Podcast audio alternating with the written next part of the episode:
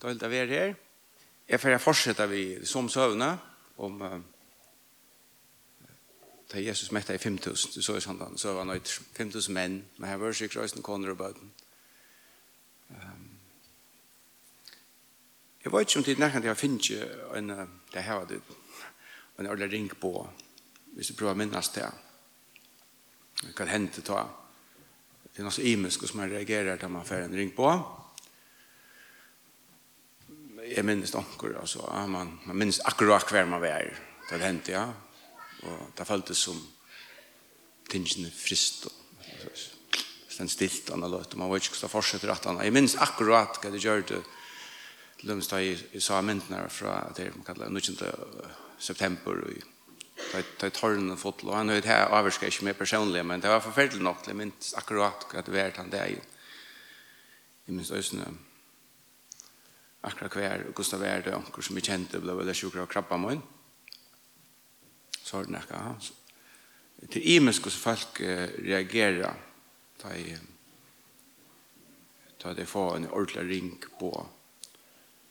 Og hendan her årsøsen det sier det er at hendan her søvann hun byrger faktisk vi tog um, det ble sagt at Jesus var trøytter, og er pura sannhet. Han var trøytter, og han er folk etter seg alle togene. Hvis du leser første kapittel i, i, i Marks evangelium, så får du kjenslen av en hektisk løven til Jesus. Han var trøytter, men henda det en var det møyr. Han var ordentlig kjetter, og han var skrekavr. Han var sannsynlig noe ytla fire. Uh, og han ville slippe over ønsmaler. Nu kommer til å lese det man han har løtt. Han slipper rønnsmaler. Det er ikke noe imisk å reagere det for ring på men øylen jeg har det på den måten at man lukker som slipper undan å svære på spurninger, og man gjerne være sin rønnsmaler. Det er godt å være sammen med Jørgen, men man føler det ofte på den måten. Det som Jesus hørte, eller hei hørst, det var bøyene om Johannes Døyper, en skillmannen, han var en halshøyder. Um, og det er en nok så, så forferdelig sova, uh, som er slags ferdig utpenslet en familiemøte. Hun er, hvis vi sier vi det er vaksen, hun er nok så gåtisk og døkk. Um, så er det nok å si i morgen. Og, og Jesus, han ble ordentlig rektor av henne. Det var faktisk lærersvennen til Johannes som kom og fortalte henne hva var hent. Og det gjør vi i Herodes, fjøringshøvdninga. Det var nekver Herodes her, jeg var ikke til å vite av tog man leser om minstrutjer. Minstrutjer er kjent for jokken i bibelsøvnet. Det var at han som tok bøtten av liv av jævlån. Så er det hesen, halshøgde i hans døyperen, og en søttene som, som let bodja Jesus drepa av svør. Det var en øyelig staur. Man må bare si at det er en øyelig ønt familie. Um, Hetta hei altså gjerra vi, vi ønsker med Herodes Antipas, og en kone som han er tisser, som er Herodias, var abbadøtter til han som drep bøttene. Um, og det som hendte vi, vi, vi Johannes, det hendte jo i en her varsla, og en her, en her, dekadentare fulare varsla som enda i via den en profet ble halsøkter, som parster underhalden. Og Og i, i dation omstøven, men altså pura morals for kvakklaven øndom, inneklemma og omstående. Og Arsjøsle forteller dere, det var det som Jesus sier hørst, og hesten her, Herodes Antipas, han har så, han har så øyne hørst om Jesus, og det var det som ble båret til Jesus enda det. Han har hørst om Jesus, og med han fått til ivetrykk, og helt han er jo hans døybaren risen opp at for en deg, og gikk rundt som Jesus.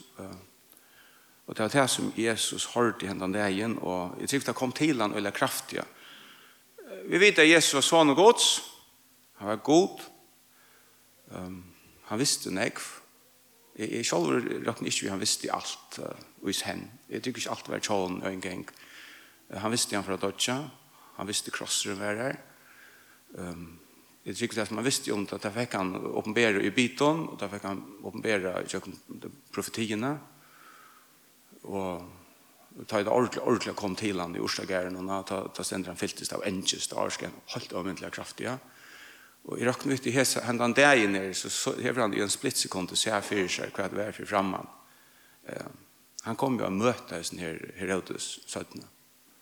Og da han, om så gjør møtte han, da fann han stand her i gulven noen, eh, bare at han er hovflansing, som han så alvor som at han nesten ikke kunne standa, og han kunne ur deg gjørs. Eh, Og Herodes i sin mauren, han hoa igjen og tvøtt igjen reien kapp om høtt igjen.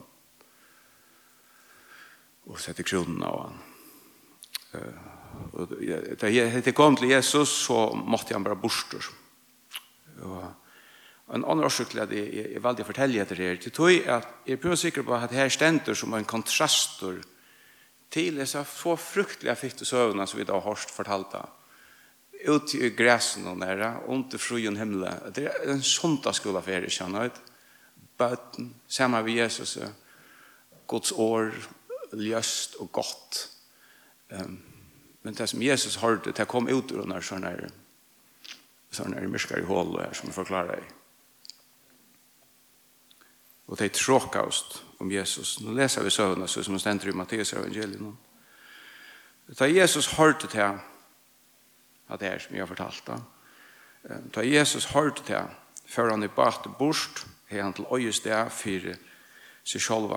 Men da jeg falt ikke fikk jeg etter høyre, før det til gang og at han har honom ur bygd honom.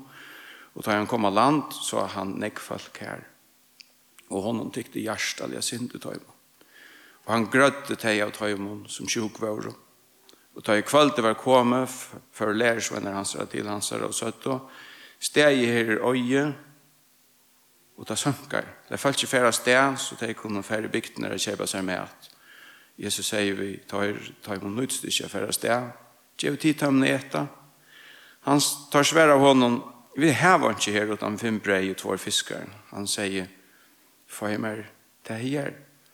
Så ber han at følte skulle sette seg nye og i græset, og han tok henne fem breiene og fiskene båar, og hokte opp med det himmelen og sikna i så breit han breien og gav lærersvennen om teg, og lærersvennen gav og falsen om teg. Og de åt og noe ødel, og var mett, og så han savna det, så man avlopp av og noen tolv fotlar kurvar. det som hadde ete var 5000 menn omfram kvinner og bød.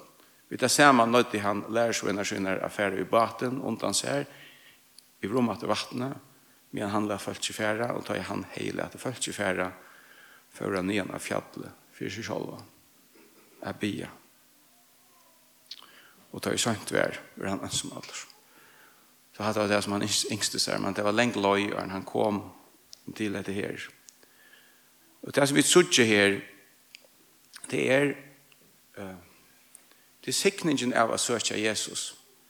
Her var en hel fjöld av folket uh, som hadde hørt om Jesus, og nå hørte det han før i Rom, og det er før til gang og atana nok lenge, altså tar for jo stikkveien i rommet bate, og tar man så gengen lenge om og og inn om den ferdast vi torst og mån til mån rundt og, og så kom den der større, større mannfjølten og de de gikk og lenka løy for at søke herren og de fikk og hos her fantastiske til hendan dagen det stod et underversk og det er han ordentlig større som herren gjør det og det begynner vi øynene tinge Det var det at de selv fører til gongo og søker Jesus.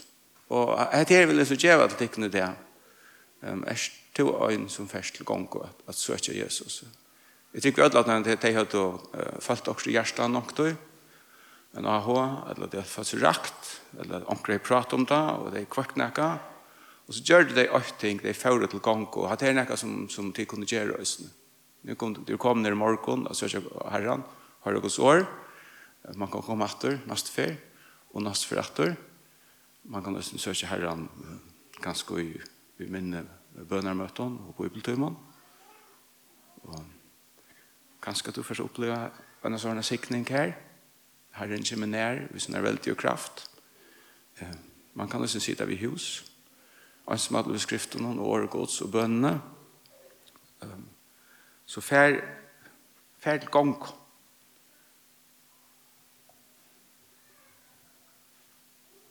Og så tar Jesus kom i rom.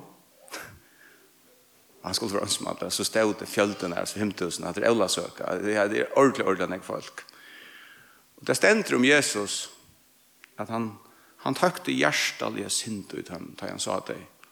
Er det stendet der at det ser ut som et vannrøkta fylkje, sier fylkje, som ångan hyre heier Jeg er faktisk disse der som var av vetsjen, og han ikke den var fat og og hantal i klæger og så videre, ja. Det, han sa at det hadde bruk for hjelp, og han sa at som var sjuk, og han sier hjertet før ut til deg, og han sette sitt etna kjelk, og sitt egna, sin egna sorg, og alt det her, til viks, og vær vi tøymen hendan dagen, og gav tøymen hendan fantastiska dagen, det stender, han grødde deg som sjukvar. Fodler av hans kraften er grua. Det er kroppen og hjärsta. Og det gjør han enn. Kanskje ikke alltid. Gjør han heller ikke ta. Men fodler av kraft er grua og han nær. Fodler av miskon. Tog med dem. Vi åpner faunen her ute i øyemørsene. Og det gjør han enn i det. Kom til Gongo. Kom til Jesus. Han er tog til dem han, han teker så innerlig i møter tøymon som kom til han sier kom til min at det som strevast og tungt å bære. Jeg skal gjøre til kvill. Altså Herren som sier det, altså kom til Jesus. Han setter sin egna plan til vik senda det og tøk med tøymon. Og så får dæveren. Stendte faktisk ikke om hvordan dæveren annars får. Dæveren, det stendte i skolabøkene for, overlates til leseren som en øvelse. Og Men her sender om nekvar er er det er til Jesu. Um, han er prætka årgås til det til Atlant det Um, det vi lykka som fjalla prætkan eller prætkan oppi heian som man kunne kalla det. Et, som man leser i, i byrjan av Mattias evangelion om. Eller som prætkan av fløten om i Lukas evangelion om. Og fellesvis er prætkan av folk tar det hørt året, altså det er til å gjøre og, og det var pura offer. Mm Jeg prøver å se til ansmadler og takke med adressen her. Du får oppleve det samme. Det var pura affæren til han lærte det som en som er valgta, som en som har fått lære kærlighet og valgte til å grua og frelsa. Han tok et åre, og han, og han førte det inn ut av hjertet. Og det, det er forskjellige sånne skrifter når folk selv sitter året av uh, tar de opp, hvordan de opplevde det her. Tar til Emmaus, som han sitter sammen med Jesus, og han tar seg Victor. Da sa du at han brent i ikke hjertet og jokken, til han taler vi jokken av en Og til nek folk inn i her så kan fortelle deg om det, om det føles det er årherrens ganger at hjertet han brent i ikke hjertet og jokken, til han taler vi jokken. Så kom uh, kvalte, og så kom omtre, og lærersvennerne, snusfornuftige, alvorlige menn, verskfrøyngar, da er så det heter bestid, de blir svenk, de må høy, de må føre en greie for mat, det er ikke mater. Og Jesus sier så at det er merskverdig, for de har ikke tid til å kunne ete, han tar høyt av hva mat, det finner vi vel forklare. Jeg vet ikke. Det finnes ikke. Nekker hundrandra parst er en gram, i fiske parst, hvis jeg skulle dolt av det her. Jeg vet ikke nok lødel. Man har hørt forskjellige bortforklaringer. Ja, ja, onker andre er medpakker, og så døltes det, eller det det vi finns inga sin tror det är inte lustra sånt vattla alltså ett vattla och borsvar du kan trycka visen eller detta vara det fortalt någon som en helt av metal stor krafter ger som Herren Jesus gjorde han visste han visste ju verkligen hur han eh kan korslåta alla naturliga processer. Det är ju han som lät kotten växa upp av marschen och det blev breit läntan så han kan så skapa det i ögonen och lägga allt hit om det det som han gör det hända det igen. Ehm det är ett fullkomlig og förklara litt under. Og han sier, gjør meg, gjør meg at det er. Jeg sier, at det er som det er. Jeg sier, bare fiskene og breiene. Og, og det som at det jo sier dere ned, at vi kan komme til Herren, vi det luttla som vi har, og faggaven, som vi har nekva gaver, som vi har få gaver, som vi har lydig av penger, som vi har nekva penger. Vi kan komme til Herren, vi du, og han kan gjøre så store ting vi tog som vi gjør til han. Det er tingene som en smadranger kan gjøre til Herren, og eller som en gammal vår eller som en kon. Och så kan han som här ger det så så väldigt ju väldigt ju varslorna här och de öjmörsna. Det ligger näka mojr oja som faktiskt. Han var ju Kristus eller som tar kallar Messias. Och en pastor av förväntningen till jötnen till Messias och Kristus. Det var att han skulle komma och det här Alltså, han skulle på akkurat måte gjøre en veldig varslo. Det er lesen det i Isaias kapitel 25. Så til det som han atler seg reagerer her, skal jeg bare leve. Um, varslene. Lukas Moses, Øysten Gaudan Brei, og Øyemørsene. Og så kommer den hendingen, da han akkurat det han gjør ondre. Og det er en hending som er brent inn av nethendene til lærersvennen. Det er det som her gjør vi breibrødning. Her i morgen har vi tvei møter. Det er fyrre møter, det er med breibrødning av brei og vun her. Og den hendingen som Jesus anlegger sin lærersvenn halda fast vi og gjør det reglige. Og hun har fullkomlig brent seg inn at det er nedtint og eh, sekvenser. Hun har faktisk alltid fortalt på en helt bestemt måte. Det er fyra sagnar alltid da det forteller om det. Det är sagnar det er han tåk, han siknaje, han breit og han gav. Alla søvner har vært det der. Han tåk, han siknaje, Han breit, og han gav. Um, og da jeg ta i lærersvennerne, jeg leser jeg, ta i jinko til Emmaus, og Jesus kom til der, og han, han dolte seg selv, han fyrer der, da Taimon. Og det stendte så, blenda hans, ta kjente der han, og nei, da tar han gjør det akkurat at det her, og det er det så med årene, det er vi at han hauk, breit, og sykna i. Og så at, at, at pura, kan man sier, enskene, hardwired, altså, hans sier tingene, som det centrala personen i evangeliet. Og da Matteus velger å fortelle hans her sjövna om, om hva Jesus gjør det her bønt. Så forteller han det på handamaten. Han letet det i hans i årene. Han stender, Så beg han har följt sig skulle sättas nye. Han tok inn i fem brejene og fiskarna båar. Han hukte opp mot himmelen. Han sikna i. Så breit han breiene og gav. Så det er att han fortäller och om att att alltså den kraften som han har i sin herre där han ger varslena där han tar det som är lite och ger det störst där han signar och här såg du det här i varslena ger Jesus näcker med den hetta var en varsla och hin varslan som jag börjar fortälla dig om. Här vi som kär samma vi Jesus mätta och hälsa gå med mätta här under öppen himmel. Signar ju i sal och sin och i bok eh, sammen med Jesus. Så kom til Kongo. Hvis du føler Herren sier noe For forfylkasen her, kom at han hatt, kom til Kongo, søk møyr, her er møyr, djevun til luttla som, som du hever, han vil signa det. Amen.